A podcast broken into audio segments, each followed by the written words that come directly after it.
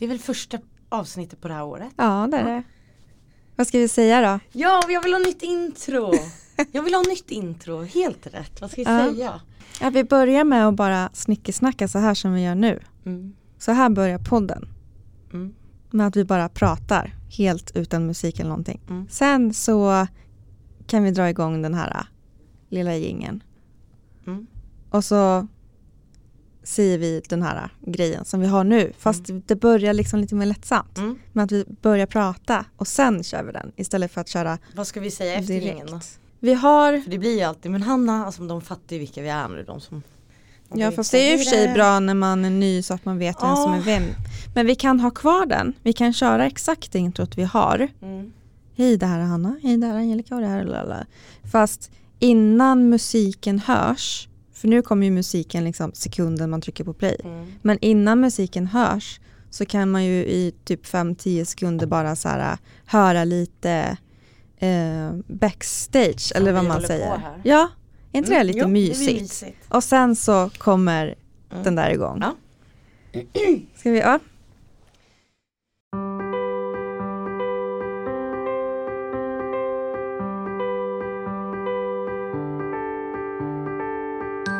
Hej, det här är Hanna Hej, det här är Angelica och det här är våran podd som heter Under livet. Först och främst så vill vi bara tacka er som på något sätt har deltagit i våran insamling för att betala medlemsavgiften som man behöver för att hyra poddstudion som har varit på 2000 spänn. Det är många som har skänkt en liten slant men ni som har delat, som har peppat oss, tack så jättemycket till er också för att utan er så hade inte den här podden funnits och det här är en livsviktig podd tycker jag och Angelica. Så tack! Nu finns vi i minst ett år till och eh, jag och Angelica har ju inga planer alls på att sluta. Det vill vi att ni ska veta. Och så vill jag tacka jättemycket för reaktionerna och responsen och allt fint som ni har skrivit till mig och sådär angående förra avsnittet där jag berättade om att jag idag inte lever i en relation och att jag är väldigt oroad för hur det kommer gå att eh, bilda familj och sådär i framtiden. Tack så jätte- jättemycket. Jag har inte orkat svara på allting men jag, har, jag tror att jag har läst allting och ni lyfter mig verkligen och jag har ju förstått att det här är någonting som man måste prata mer om. Och det är skitläskigt för mig och Angelica att prata om saker och ting. Vi är inte så coola och modiga som det kan ge sken av ibland. Men eh, vi tycker att det är så jävla viktigt att våga prata om saker och ting. Och vi kan inte säga det i den här podden och sen inte göra det själva. Vi får helt enkelt vara bra förebilder. Hur mår du Hanna? Jag mår...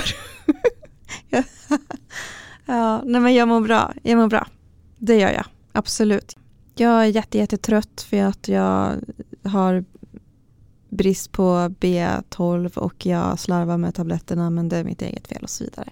Det finns egentligen inga updates kring endometriosen egentligen mer än att jag har väldigt oregelbunden mens och jag har ont och sådär. Nästa steg är att börja på en hormonbehandling så att jag kan trappa ner på smärtstillande men det är, det är svårt. Det är skitsvårt att börja med de där p-pillerna eftersom att anledningen till att jag slutade var för att jag ville bli fertil och nu börjar jag igen ett år senare att ta de här p-pillerna och jag lyckades inte med det som var anledningen till varför jag slutade med dem. Så att det känns som ett sånt otroligt stort misslyckande och det är skitsvårt att hoppa på det där tåget igen och inse att saker och ting faktiskt inte blev som man hoppades och önskade. Så det är där just nu. Hur mår du då? Idag blir det väl lite mycket om mig. Eh, Så jag tänker att istället för att svara på frågan så kommer ni nog höra det. Men Hanna och jag kan presentera vad vi ändå tänkte ha som lite tema idag och det är sorg. Mm. Eh, och då skulle vi eh, vilja börja läsa en grej här som jag har framför mig. Okay. Det är en stor sorg att mista någon man har kär. Hur svårt, måste då inte, hur svårt måste det då inte vara för den som väntar på att dö och som måste lämna allt och alla? Hur kan man hjälpa eller stödja någon som är ledsen? Hur tröstar man? Hur vill man själv bli tröstad? När man går igenom något så behöver man få berätta sorgen om och om igen för nära och kära. Och det här har ju inte jag gjort direkt. Jag har ju Det är första dagen på mitt nya liv igår. Eh, jag eh, har helt isolerat mig men det är också för att min sorg den är inte så länge sedan. Det är väldigt färskt och det är viktigt för mig att få prata om det här. Och även koppla den till min endometrios som har varit katastrofal på grund av sorgen. Jag verkligen skakar, ser du det? Eh, det är så att eh, jag har förlorat min morfar den 22 november. Och för mig så var han inte bara en morfar utan även en fadersfigur och bästa vän. När jag blev dumpad och blev ensam och man är van att ringa när man har en pojkvän. Då ringde jag morfar på eh, nattbussen och så sa han hur många är det på bussen så fick jag räkna, nu är det fyra och han liksom, han var mitt i natten även om jag ringde så var han min bästa vän för han visste att jag saknade det här då från ett förhållande att höra av sig till någon och att någon bryr sig att man kommer hem och han har varit en jämt för mig. Eh, det som hände är att min morfar är 87 år och heter Matti Hakkala och är en av de coolaste finska gubbarna och strängaste också. Eh, men han han fick leva ett bra liv så jag känner inget sånt. Eh, han blev 87 år och han åkte in då för att han hade haft blod i urinen och eh, då var det en vecka då som allt gick på. Så han skulle opereras då för att se vad det här berodde på och eh, då ringer läkaren mig. Eh, och då säger de att eh, ni borde komma in allihopa, vi har ett besked. Och jag bara visste. Jag bara visste vad det var. Ni får ta min röst, alltså jag har inte pratat högt om det här. Jag har inte ens träffat, den enda jag har träffat det är Amelia. Jag har inte träffat någon av mina vanliga vänner. För jag har skyddat mig själv, för jag har inte orkat må dåligt och jag tror att om många av er lyssnar så blir det lättare för mig att träffa er också. För att jag vill inte vara ledsen längre utan jag vill minnas det bra men det jag berättar nu är ju sånt som jag kommer få berätta om och om igen annars så det hade varit skönt om man lyssnar. Och då sa ju läkaren att eh, ena njuren har lagt av hade de märkt och han har njursvikt och cancern som vi misstänkte att det var. Det var ju cancer men den hade ju spridit sig så det går inte att göra någonting. Och, eh, hon gav liksom honom max ett par dagar. Från att vi åkte in och körde han till den här operationen, då åkte vi Bolt, för jag bokade Bolt. Och då satt han bredvid mig med täckbyxor och vinterjacka och var jätteglad och pigg. Alltså det gick så fort för mig och samtidigt så vet jag att han är gammal, kanske många tänker, men för mig gick det väldigt fort för när vi körde in honom var han väldigt bra och efter operationen var han som en helt annan människa liksom, en sjuk människa. Och då sa jag till läkaren bara, men vet han om det här själv? För han pratar finska min morfar. Och då sa hon att det känns liksom som att Matti inte vill acceptera och det är tydligen något vanligt det här med dödsångest att vissa förnekar och vissa gråter och vissa kan prata om det. Men han var lite i så här, han skulle ju hem hela tiden. Eh, så när vi gick in till honom då, då började jag ju gråta när jag såg han efter. Och då sa han, varför gråter du? Och då ville jag ju ändå spela med för att han ska inte ha någon ångest utan då spelade jag med för hans skull och då sa jag bara att det är jobbigt att se dig ligga här på sjukhuset.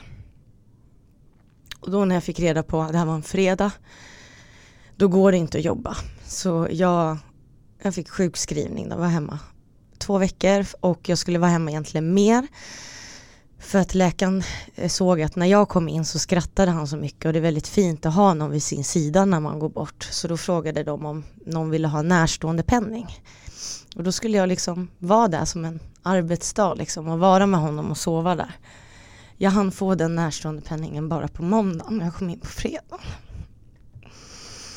Så jag hade varit där hela helgen och sovit och på måndagen skulle min närstående penning börja och jag hade planerat att jag skulle ta med mig böcker och läsa för honom.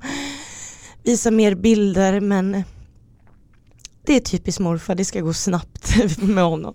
Han orkade inte, alltså jag lovar dig, så riktig sisu, finsk gubbe. Han orkade liksom säkert inte vara till besvär skulle han väl säkert säga. Så jag hann få närstående penning en dag. Så han dog måndag den 22 november och det var ett av de mest alltså smärtfria sätten att dö på. Tydligen njursvikt fick man bara somna till slut. Och då vill jag säga att jag var bara hemma och duschade. Alltså jag var där hela tiden. Jag bara åkte hem och bytte kläder och sov där. Men jag var liksom där typ dygnets alla timmar kändes det som. Men så skulle de komma in och vända honom där på måndagen den 22 bara för att han inte kunde röra sig. För då hade han slutat prata på söndagen. Innan hade vi haft jättefina dagar han och jag. Han visste att jag skulle till podden där. Och ja, vi hade haft jätte, jättefina dagar. Och så skulle jag gå ut i fem minuter. Och när jag kommer in så har han slutat andas. Och då sa läkaren att det är vanligt att man inte vill lämna när någon är i rummet. Och ja, så att eh, det här är lite om det bortgången då. Och sen fick vi klä på honom och då valde vi hans vinröda skinnkostym som är specialsydd till honom. Eh, det är hans favoritklädsel. Eh, så det var givet att han skulle ha det. Och jag satt och höll han från att han slutade andas och var helt varm. Jag, han dog vid typ sju tror jag det var. Jag åkte vid nio. Jag var den sista som gick ut och då när jag släppte handen då var han helt liksom likstel. Och då var det faktiskt inte, jag vet inte vad ni tror men det var inte morfar längre. Det var bara ett skal, alltså det är så sjukt. Alltså det, från bara några timmar när han andades och jag läste liksom, men han var bara ett skal, det var helt tomt. Så man har ju aldrig känt sig så levande som när man gick därifrån. Och jag blev verkligen så här att efter det här nu, usch, man måste tänka på sig själv och sluta må dåligt över liksom onödiga grejer. Bara ta tag i det eller göra av med de vännerna som får en att må dåligt. Det här fick verkligen mig ett perspektiv och det är också därför jag behövt vara själv. Och nu har det inte ens gått två månader men jag har behövt vara själv. Jag har tittat på bilder på honom. Eh, och liksom mamma och jag, vi har hängt ihop. Jag har varit med mamma då, så jag har inte varit själv själv. Vi har varit två i sorgen och sovit över och bara ätit tillsammans för man har inte kunnat äta någonting. Men eh, han, han var så stor del av mitt liv. Eh, och han är en av dem jag litar på till 100 procent. Han läste om på om endometrios, jag berättade om alla mina killar, han har träffat mina vänner. Och vi har bråkat i tonåren. Och sen har han ringt och bett om ursäkt, vilket han verkar inte ha gjort till någon av sina barn. Så att han fick liksom en andra chans att visa att han var en bra pappa kanske. Eh, jag har inget ont att säga om morfar och jag fyller år 5 februari och morfar 6. Och då sa morfar att den bästa födelsedagspresenten var ju att jag kom den femte och så fyllde han den sjätte. Alltså det har vi alltid levt på att vi har liksom firat ihop. Vi sitter ihop. Men sen begravningen och så var jättefin. Jag höll ett tal. Eh, och jag klarade det. Jag gråter faktiskt mer nu men det är för att det är ett tryggt rum. Där hade man liksom ögon. Alltså jag skakar så mycket. Jag tycker att du är jätteduktig på att sätta ord på allting Angelica. Och nu har vi haft två tunga avsnitt men det här har verkligen varit två saker som har påverkat mig och Hanna mycket och jag känner nu får både jag och Hanna säga det och så börjar vi det här året bra. Så det blir en snyft grej. Eh, Men begravningen var fin och jag höll talet och det kändes bra. Jag hade skrivit ut en bild som stod där såklart i skinnkostymen så man kunde ju säga det till dem att han ligger i den där inne liksom. Han har den på sig. Och så spelade vi upp en finsk låt i kyrkan. För han älskar tango. han älskar tango. Jag har alltid dansat med honom på Finlandsbåten. Så den här svenska förresten kanske blev helt chockad men morfar älskar tango. Och det är lite osammanhängande. Jag hade världens röda tråd. Jag hade memorerat allt hur jag skulle lägga upp och berätta om allt. Men det finns inget rätt och fel. Du pratar från hjärtat nu. Jag hade liksom tänkt att ni skulle få höra allt från början men jag, jag klarar inte av att berätta så. Det är bara, jag vet inte ens vad som kommer härnäst. Det bara kommer nu. Men morfar Jag saknar verkligen honom varje dag och det gör så jävla ont att gå in i hans lägenhet. För att allting är ju precis som det var när vi åkte. Men nu har jag insett att han har gått bort. Det var också därför jag inte kunde träffa någon, för jag, det var för overkligt för mig. Och jag vet att han är en gammal man men det är också min bästa vän så jag skiter i åldern. Utan för mig vart det, det är ett stort djupt hål. En av mina största tryggheter. Och jag ringde hans telefonsvarare tills vi hade sagt upp abonnemanget bara för att höra hans telefonsvar, alltså bara för att höra hans röst. Och han ska ju liksom inte bli glömd, men det är inte konstigt att man gråter nu. Man kommer kunna prata, jag har ju, vi har haft dödsfall i familjen tidigare. Men det är nu det är så jävla tungt. Så det var därför jag också ville samla det här. Och prata om det nu när man faktiskt vågar visa hur jävla ledsen man är. Och jag vill säga så här att när man är ledsen, man vet ingenting och det finns inga rätt eller fel för kompisar och anhöriga. Jag har inte blivit sur när folk har ringt, jag har bara inte svarat. Alltså jag ser och det betyder mycket. Även fast jag inte lyfter upp luren så har det gjort mig väldigt, alltså jag är väldigt glad. Eh, så att hoppas att folk förstår det, att när man är inne i en djup sorg, det, det tar lite tid och den enda som kan hjälpa en ur den, det är en själv. Och det är det jag behövt hitta styrka och skrivit i min måldagbok. Vad, hur ska jag gå vidare nu efter honom? Och det vet jag nu. Men jag vill inte, jag vill inte gå utan honom. Jag vill att han ska vara med mig hela tiden. Eh, men vi hade väldigt fina dagar på sjukhuset och det är lite dem jag vill prata om och lite gamla minnen. Och då sa han till mig när vi var själva. Eh, mycket saker men det jag kan ta upp i alla fall det är att han sa det. Han ville ju han förnekade ju att han skulle dö. Men när jag var själv med honom då sa han till mig, jag bara, visst kommer jag dö. Och då var jag ju tvungen att vara ärlig. Åh oh, gud. Ja och då sa han så här, men vi säger ingenting till de andra. Vi håller det du och jag. Liksom. Hur, vad sa du till honom när han ställde en sån fråga till dig? Jag förklarade, för jag sa inte bara ja, utan jag förklarade att det hade spridit sig men att förmodligen att det var så höga jag vet inte vad det var, om det var kalium, ingen aning, men höga halter för njurarna har lagt av och det kommer göra liksom att du går bort men det ska tydligen vara smärtfritt. Och då frågade jag om han hade ångest och det frågar man inte en 87-årig gubbe för att för han, jag tror inte han kan sätta ord vad ångest är. Så jag fick förklara för honom att om jag känner du har panik liksom. Jag fick förklara hur en ångestreaktion är. Och han mådde inte bra. Så att då sa jag till sjuksköterskan bara ge han ångestdämp för att han ska inte ligga för han är alldeles för stark. Han skulle aldrig be om det själv. För att han har ångest, han vet bara inte om att det är det han har. Och då så sa han när han frågade det och så hade jag en moment med honom när vi var själva. Och då sa han, sa han bara det här kan låta hårt. Men jag måste säga det, kom ihåg Angelica att man är alltid ensam. Den människan som du alltid måste stå ut med, det är dig själv. Se till liksom, även fast du mår dåligt om anhöriga eller vänner mår dåligt. Men se till att du är stark så att du alltid vet vad du gör. För du är ensam i den här världen. Och vi har haft varandra och det är inte alla som har det. För vi har inte varit ensamma, för vi har varit precis samma person för mig. Så han ville lite lämna över det här att jag skulle vara stark. Och att jag inte ska gå under av det här eller någonting annat. Och han sa det, man kan göra bort sig på fyllan och man kan göra bort sig för att man har skrivit någonting till någon kompis eller man kommer sent till jobbet. Han bara, det är så här världsliga saker.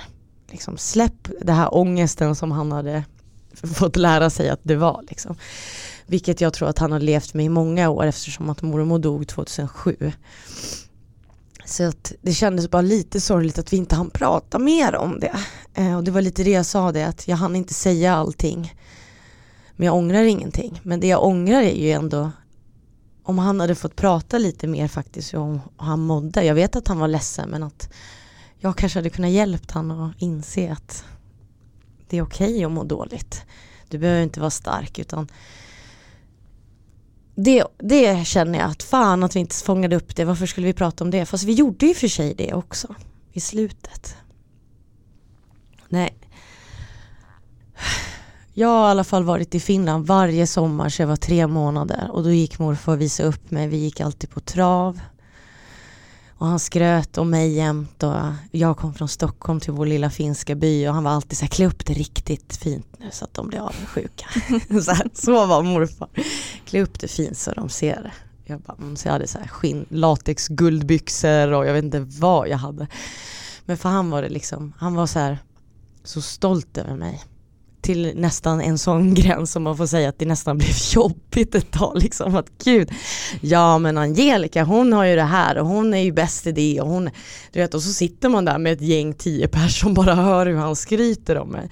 Och så är jag uppväxt och eh, ni som är familj som hör, jag vet att ni skrattar för att morfar, för han var det viktigt med pengar. Man såg bra ut. Han tog brun utan sol den här Dove.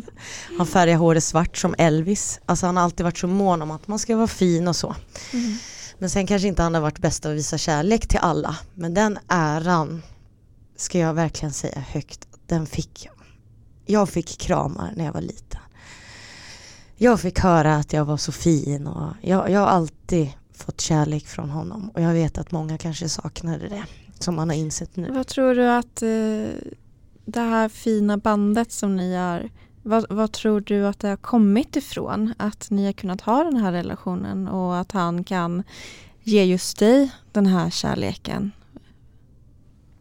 Jag tror, för morfar har ju, mamma har många syskon, många barn. Och han kanske inte alltid var närvarande. Mm. Eh, och jag tänker liksom inte gå in mer på det men det Hur var en annan barnbarn har han? Oj, är vi 14 kanske? Okej, okay, så det, det, är ändå ett gäng? Ja, och jag är äldst. Okej. Okay. Så mm. att jag blev ju alltid så här bortskämd av Ja, men då var ju du ändå Jag tror att det kanske var första. det. Och då var det en annan tid vi lever, även på 90-talet. Så att han, han blev en pappa för mig. Jag har ju levt ensam med mamma. Varje dag så hämtade mormor och morfar mig från fritids för mamma hade egen salong och jobbade. Och jag har inget ont att säga om det. Jag hade det så kul. Vi spelade plockepinn och prick fyra kom de alltid och hämtade och de var fan inte en minut sena. Förutom en gång. Och det är verkligen en gång. Och då kommer jag ihåg att det var en tjej som hette Nidar på fritids. Och då sa hon, nu är klockan fem över fyra och din mormor och morfar inte kommit, de har glömt dig, du kommer få sova nej. på fritids. Och jag bara, nej, nej, nej. Men då hade de suttit fast i någon trafikgrej och då åker de ändå i väldigt tid så då fattar man ändå att det var och så när de kom då mormor och morfar så satt jag liksom och var helt förstörd och var redan beredd att jag var lämnad där på fritids för alla andra skulle bli hämtade. Eh, så att han har liksom varit med mig, han har varit på min bal, han har träffat alla pojkvänner jag har haft, för nu har jag varit singel ett tag. Han har träffat alla pojkvänner. Eh, han har testat dem, han satt dem i jobb i Finland. Jag vet när jag och Robin kom fick han klippa hela stora tomten. Det var ju kul semester.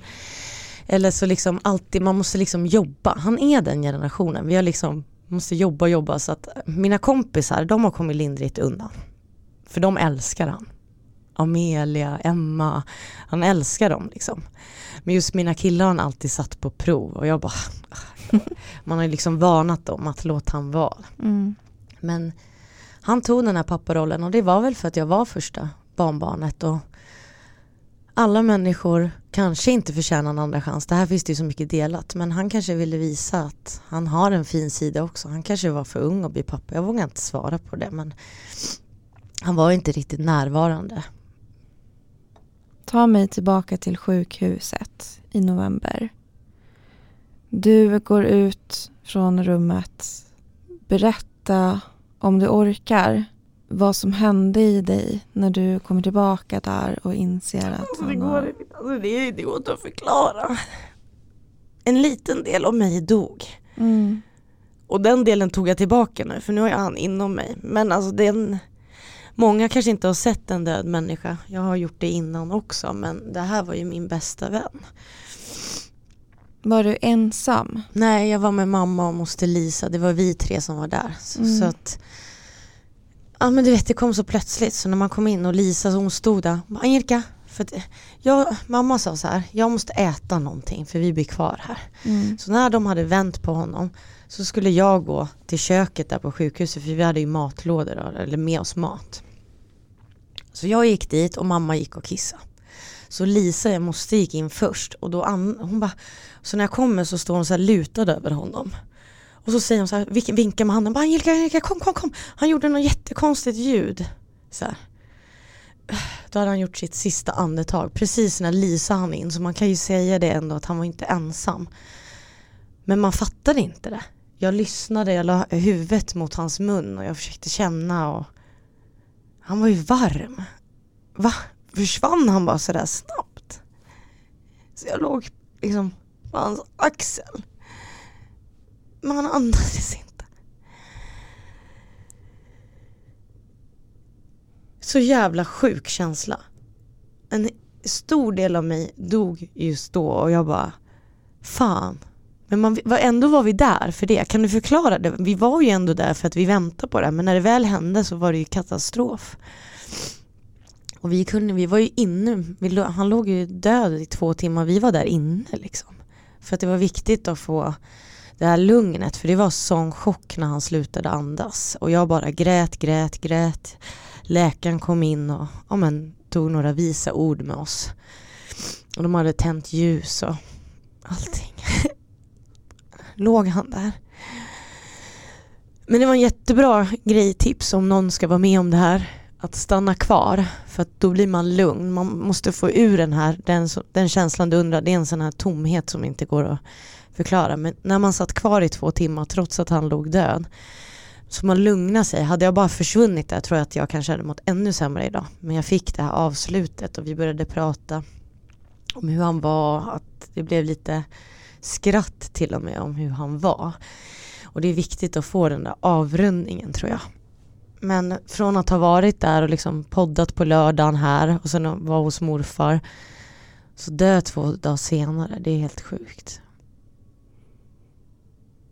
Det är verkligen obegripligt. Mm.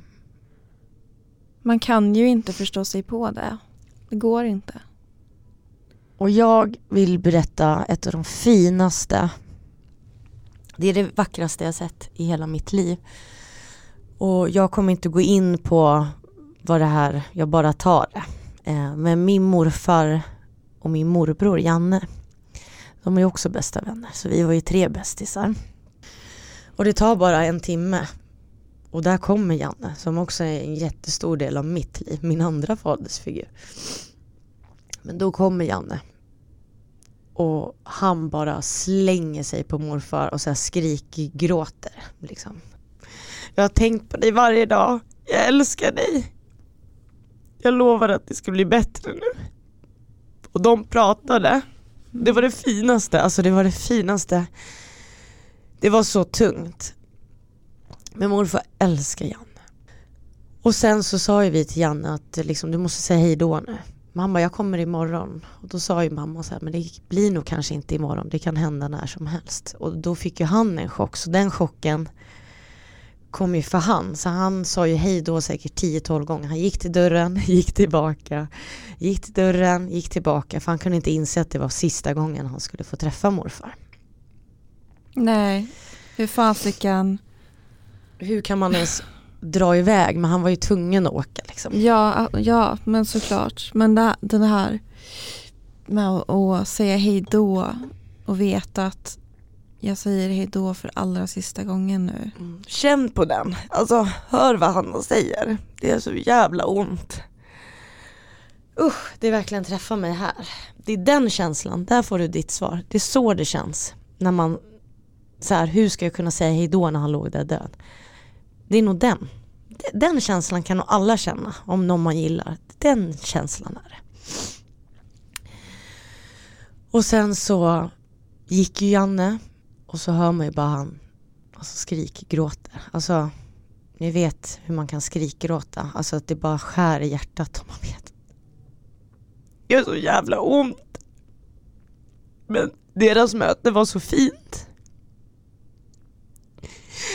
Och det fina var att jag tror att morfar kanske kämpade de här dagarna. För att han väntade på Janne. För att efter Janne gick, då blundade han och han sa inte ett ord Ja. Och sen dog han dagen efter. Så efter Janne gick pratade han inte med någon av oss. Han var helt tyst, han bara blundade. Så det var som att han fick råd. Han fick säga då till Janne. Och sen dess så pratade han. Och det är fint. För då förstår man hur mycket en människa kan betyda för någon. Och så mycket betyder, betyder Janne för morfar. Och det var väldigt, väldigt, väldigt, väldigt fint.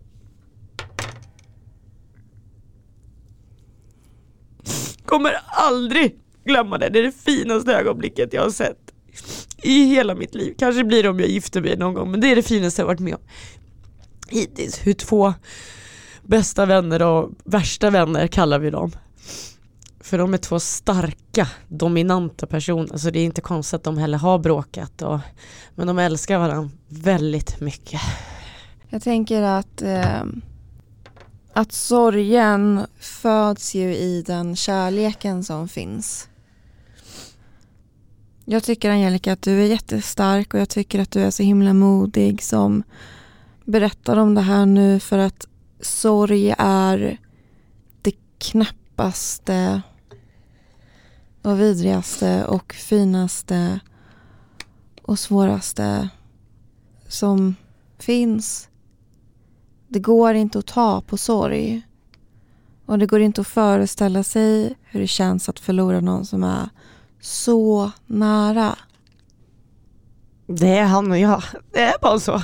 Mm. Alltså det är bara vi två. Det är det.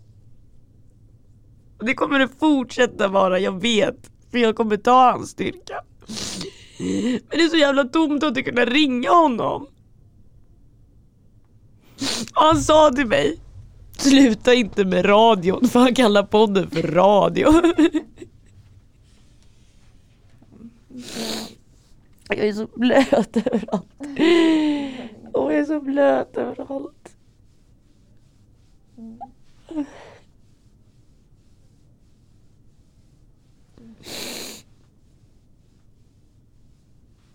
Ja det värsta. Ursäkta. Jag drog in slem. Nu står jag här bredvid. Jag hade värsta manuset i huvudet. Hur jag skulle liksom bygga upp. Och jag vet att det inte betyder något men jag måste bara säga det. Hur sorg är sjukt. Jag gillar ju att ha en röd tråd. Jag hade tänkt berätta om barndomen med honom, sen ta dödsfallet, sen ta tiden efter. Men det här blev ett samtal mellan mig och Hanna för vi har inte pratat om det heller. Så att det som Hanna sa om sorgen, det, det, är ingen som kan veta hur man reagerar. Alla vi reagerar olika och så här reagerar jag. Och jag pratar helt osammanhängande, jag pratar om alla människor hit och dit och gamla minnen men det är precis så det ska vara. En grej som jag tycker är så jäkla, nu blir det lite annorlunda så. En grej som jag tycker är så jäkla häftigt med dig just nu Angelica är att du ska alltid ha kontroll. Ja, jag vet. Alltid. Alltid. Eh. Men jag är uppfostrad så. Ja. Mm. Nej men det är, inget, det är inget fel med Nej, det. Absolut jag menar, inte. jag vet hur sjukt det är. Men jag ska liksom leka stark. Man kan säga så här att jag fick ju leka stark lite inför morfar också. Även fast jag var ledsen. Så jag satte mig mm. själv på Jag satte mig själv på andra plats. Mm. Och det har jag nog gjort hela mitt liv. Men det är för att jag är uppfostrad att man ska hjälpa andra. Och så ja. Men jag tycker Men att nu du, är jag på första plats. det är så fint att stå här bredvid dig nu och också att få hålla armen om dig och få krama om dig för att det är en av de sakerna som eh, du tycker är svårt. För att du, Jag har inte ens tänkt på det. Jag har inte ens tänkt på det. man får aldrig krama dig när du är ledsen. Och jag vet ju att det är för att du då är rädd för att tappa kontrollen. Mm. Och det gör jag nu. Och det är sjukt fint att göra det tycker jag. Gud, jag har inte ens tänkt på det. Jag har faktiskt inte tänkt. Nej. Jag gillar inte när folk tröstar mig eller klappar på huvudet. Det gör väl ingen egentligen så det är inget unikt med mig. Men liksom Jag är bara sån. Jag, det är väl min uppfostran. Man ska bry sig om andra och det är väl jättefint men man får inte glömma sig själv. Så 2022 så ska jag tänka på mig själv. Då ska du vara snäll visk. Gud. Fina fina du.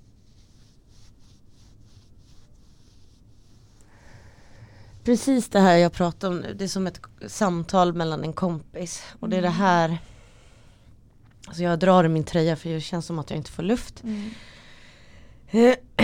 Det är precis det här jag har inte vågat göra med mina vänner. För man ork vem orkar vara ledsen egentligen? Samtidigt är det jätteviktigt och jag vet att jag kommer gråta jättemycket idag. Men det här var jätteviktigt för mig att ha ett jävla samtal. Det känns som att vi hyllar honom. Ja, Mm. han finns ju med oss här nu. Mm. Men hur känns det nu då? Hur känns det nu då när eh, du sitter här och eh, det blev inte som planerat? Du kunde inte gömma dig bakom planerade punkter utan det blev det som behövde komma ut kom ut nu. Hur Jag kommer känns det? Du känner mig. Jag vet att det kommer komma kanske om två dagar att jag får ångest över hur jävla osammanhängande allting var. Så kommer jag skriva till Hanna och bara gud det här känns inte alls bra eller något. Vilket det gör men det är för att jag Jag är väldigt rädd och Jag vill inte visa mig ledsen och nu gör jag inte det men ni får höra när man hör att jag är ledsen. Jag har alltid varit den starka jämt. Men är man inte stark fastän man är ledsen? Nej, så har jag aldrig fått lära mig. Utan man ska liksom inte klaga. Mm. Den finska sisun. ja, vi är verkligen stenar. Mm. Samtidigt som vi har mycket känslor och vi visar det på andra sätt. Ja Men för du och morfar var ju inte stenar mot Vi varandra. var inte stenar. Nej. Vi var inte stenar alls. Ehm, men om man liksom grät så här, Jag tror många känner igen sig, ni som kanske Det behöver inte vara någon finsk för det men man ska liksom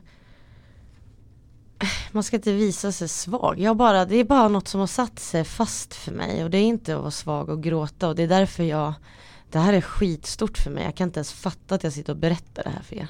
Helt ärligt så fattar jag inte vad jag håller på med. Men det här, för, för mig är det ju det här som är styrka. Mm. Det känns som att då tycker folk synd om en. Jag gillar inte när folk tycker synd Nej. om en. Nej, det ska ju gudarna veta. Det är inte därför vi har den här podden. Det är inte därför vi pratar om svåra saker. Det är för att vi vill visa att de här samtalen måste också få finnas. Mm. Och det handlar inte om att det är synd om någon eller att det handlar liksom inte om att få uppmärksamhet eller få någon sympati eller empati utan det handlar om att det är Ja. ju så.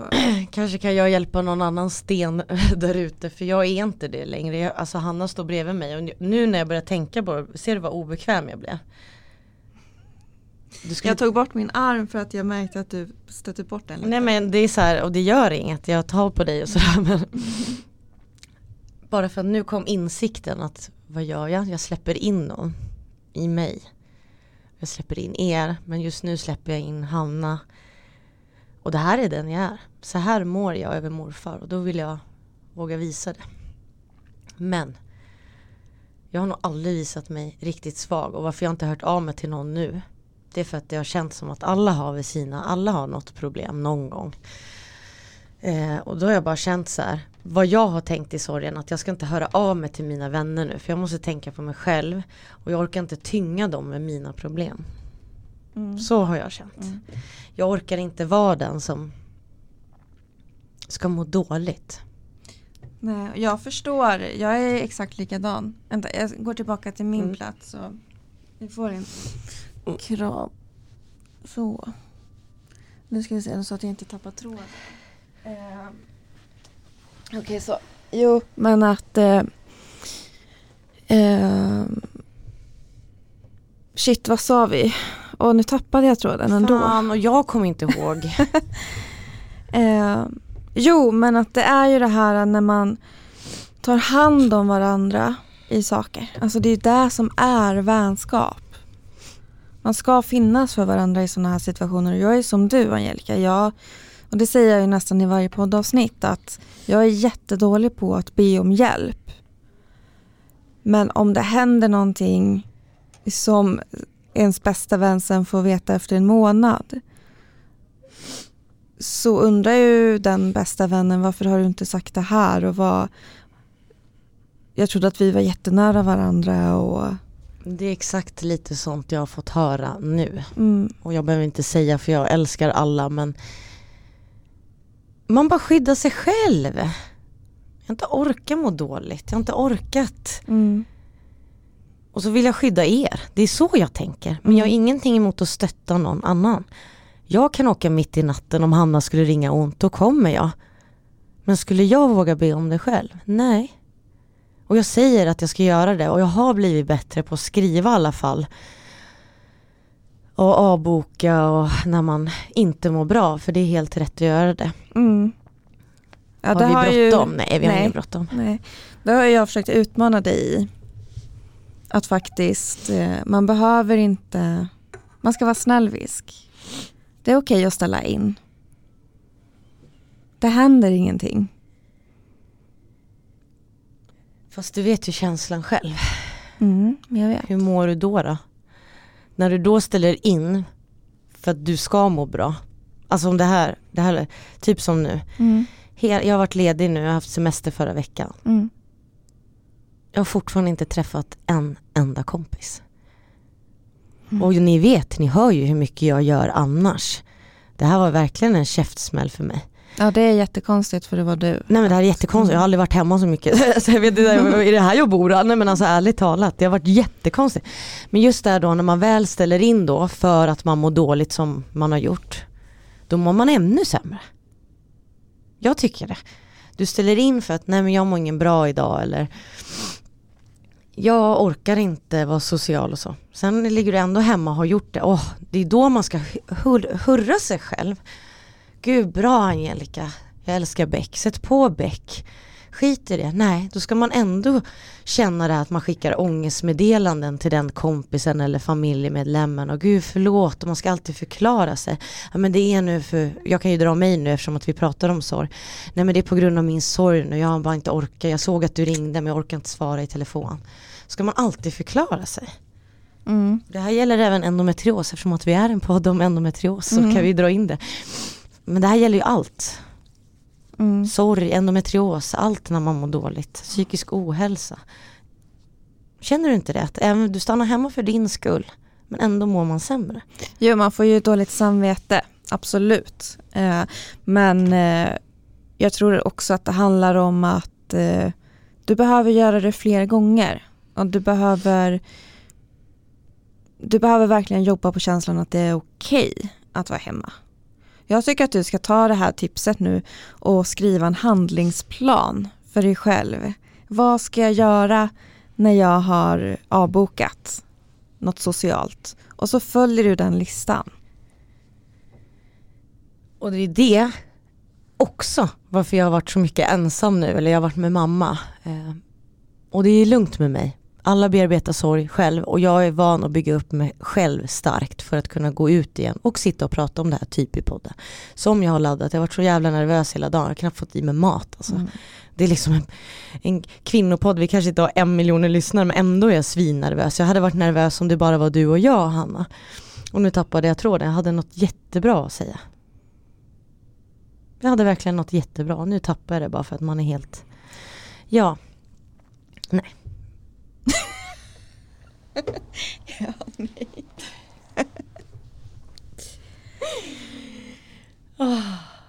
Men du sa att din endometrios har ju påverkats av den här sorgen. Ja, och det kan vara skönt att bryta lite gråt. Nu, jag kommer vilja avsluta liksom med morfar men jag vill bara säga det att under Nej men alltså det är katastrof. Jag har ätit Palexia. Jag hade liksom en, vad heter det, kartong eller jag vet inte hur många är det? Förpackning, mm. ja det är 30 i en. Mm. Förra året så tog jag typ tre av den, eller inte nu, nu är det ett annat, ja men ni vet. Men nu det här året som har varit då, 2021, nu i slutet, jag har haft så jävla ont. Men det är för att du sover ingenting, för att du gråter. När du väl somnar så somnar du av utmattningen. Mm. Mm. Och vad händer när du väl somnar? Då har man liksom spänt sig fel, man har förmodligen somnat i soffan eller något, bara för att man behöver något socialt tvn på eller sådär. Och då vaknar jag liksom och har haft ont. Jag har mm. vaknat på nätterna av min endometrios. Jag har vaknat av smärtan och det kan jag säga att det har jag aldrig gjort i hela mitt, och nu svär jag, fucking liv alltså. Jag har aldrig vaknat av sådana verkar. Mm. Och jag har ont nu, jag blöder. Varför blöder jag? Jag har ju varit jätteblödningsfri. Nej, för kroppen mår inte bra. Man har ätit dåligt, allmäntillståndet, alltså allt ont i huvudet konstant, mår illa, ingenting. Ingenting är bra. Min endometrios har verkligen tagit stryk. Jag gav till och med Hanna en julklapp nu, alltså till och med jag köpte sådana menstrual pads. För jag bara, jag behöver liksom hjälp eh, och jag måste gå till gyn. Men jag tänker att det är sorgen. Och jag börjar redan känna nu när jag har jobbat och börjar komma tillbaka så att eh, det är allmäntillståndet och endometrios och jag googlade för jag önskar att jag hade haft en artikel. Jag sökte igår inför det här också för att jag gillar en röd tråd och då sökte jag sorg endometrios och då kom det upp massa att sorgen att få endometrios men inte så här, mm. men det stod ju mycket med psykisk hälsa. En sorg, det är ju en psykisk, man blir ju ledsen. Mm. Så, och då står det ju att Mår man inte bra, då ökar sjukdomen, vilket är så jävla sjukt egentligen. För då tycker man, gud räcker inte nu, kan inte jag bara få vara ledsen, ska jag ha dig också? Mm. Jag har liksom hatat min endometrios under sorgen. Jag har varit så här, jag är så arg på den. Jag har aldrig varit så arg på min endometrios nu. Jag har liksom börjat få ha eh, mensskydd och sånt igen. Jag har inte behövt det alls. Så jag blöder, jag har ont jag mår illa. Eh, jag var på lymfmassage nu när jag var ledig för det ska ju vara bra för smärta och så. Och hon bara, alltså ditt bäcken, hon bara du ser ut som 25 men ditt bäcken är typ 65, sa hon till mig. Mm. Alltså jag kan säga så här, om man ligger på rygg och så lägger ni upp benen i en skräddare, en sexposition kan ni tänka.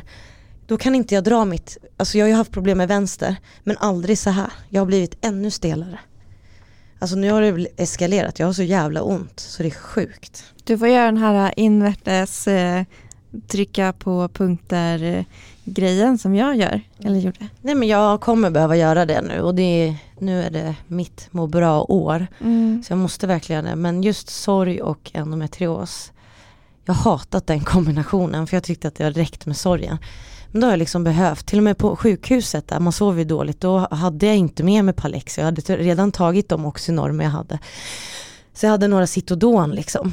Men de hjälper ju ingenting. Alltså jag har verkligen, jag har aldrig behövt fylla på så mycket smärtstillande som nu. Men det är bra att du tar när du har ont. Det är därför du har dem, eller hur? Men jag har aldrig, förstår du vad mm. sjukt? Jag har behövt. Jag, mm. För en gång skulle fatta jag hur sjuk man är i endometrios nu. Mm. För att jag behövde orka vara social då med morfar eller med mostrarna och mamma och du vet sådär. Då tog jag tablett för att jag bara min sjukdom och jag pratade öppet om den även på sjukhuset med de som undrade. Och familj och sånt. Men ja, det fanns, alltså du vet, det fanns inte ens ett val att inte ta. Och så har jag aldrig känt. Jag har alltid sagt, äh, du vet hur jag är, jag har härdat ut det var ingen val Hanna. Det var bara ner i påsen direkt och leta vad har jag, så jag kan inte ha så här ont. Mm. Och det vill jag faktiskt säga, yes jag kommer ihåg någonting om mitt manus som jag ville ta upp. Herregud. När vi var på sjukhuset där, då fick ju morfar, han fick ju intravenös, men då fick han Oxynorm när han kunde svälja. Eh, och det får ju cancerpatienter. Så, så starka är de. Och då stod jag med sköterskan. Då sa jag sådana där är jag också hemma. Hon bara, har du? Jag bara, ja jag har endometrios. Hon bara, men gud, de här hjälper ju inte då till dig sa hon. Du måste göra något ännu starkare. Mm. Och då fattade han ändå att Oxynorm är starkt. Då sa hon att men det här kan ju inte hjälpa när du har ont. Alltså hon verkligen sa det. Det var så här, gud, mitt i den här sorgen så är det någon som bara bekräftar min endometrios också. Att ja, du har fan jag bara, det gör inte det. Jag bara, men jag tar det ändå. Hon bara, ja det hjälper ju men det, alltså så här. Förklara, det hjälper inte men det, man tar ju det ändå. Det är någon, någonting mildras i alla fall. Någon spänning kanske men just smärtan ja. tycker inte jag. Det är väldigt spännande hur kroppen fungerar. Det är ju fascinerande. Mm. Men man hade ju inte velat vara med om det. Men det är vi ju. Det kommer, vi, det kommer fortsätta i hela våra liv. Och eh, vad vi än gör i våra liv om hur vi mår, det påverkar vår endometrios. Mm. Det gör ju det. Vill du avsluta med Ja, jag vill avsluta faktiskt. Mm. Eh, det var ett riktigt tung dag, jag är helt, helt slut. Jag är jättestolt över dig. Tack. Jag tycker mm. att du är jätte, jättestark och du har, du har vågat släppa kontrollen. Det gör mig jättestolt. Men det är läskigt, jag måste säga det till er, ni som lyssnar när det här väl Det är jätteläskigt och man mår inte bra av det. Men man ska ju må bra av det. Men på ett sätt skäms man också av att vara ledsen. Jag gör det ibland. Jag vill avsluta med talet för det känns som att då knyter jag säcken. Du försvann i november när det börjat bli kallt. Jag minns varje dag med dig och när jag blundar är vi tillsammans igen. Det känns som att du är så nära men ändå så långt bort. Jag tänker på allt vi inte hann säga men jag ångrar ingenting. Jag höll din hand från att den var varm till den blev kall. Du stöttar alltid mig och du ska veta att det gör ont utan dig men du finns inom mig. Morfar, du var min bästa vän. Nu finns du ovan månen och jag hoppas att du har det bra. Hälsa mormor och tack för allt vi var. Mina rakastan sinua.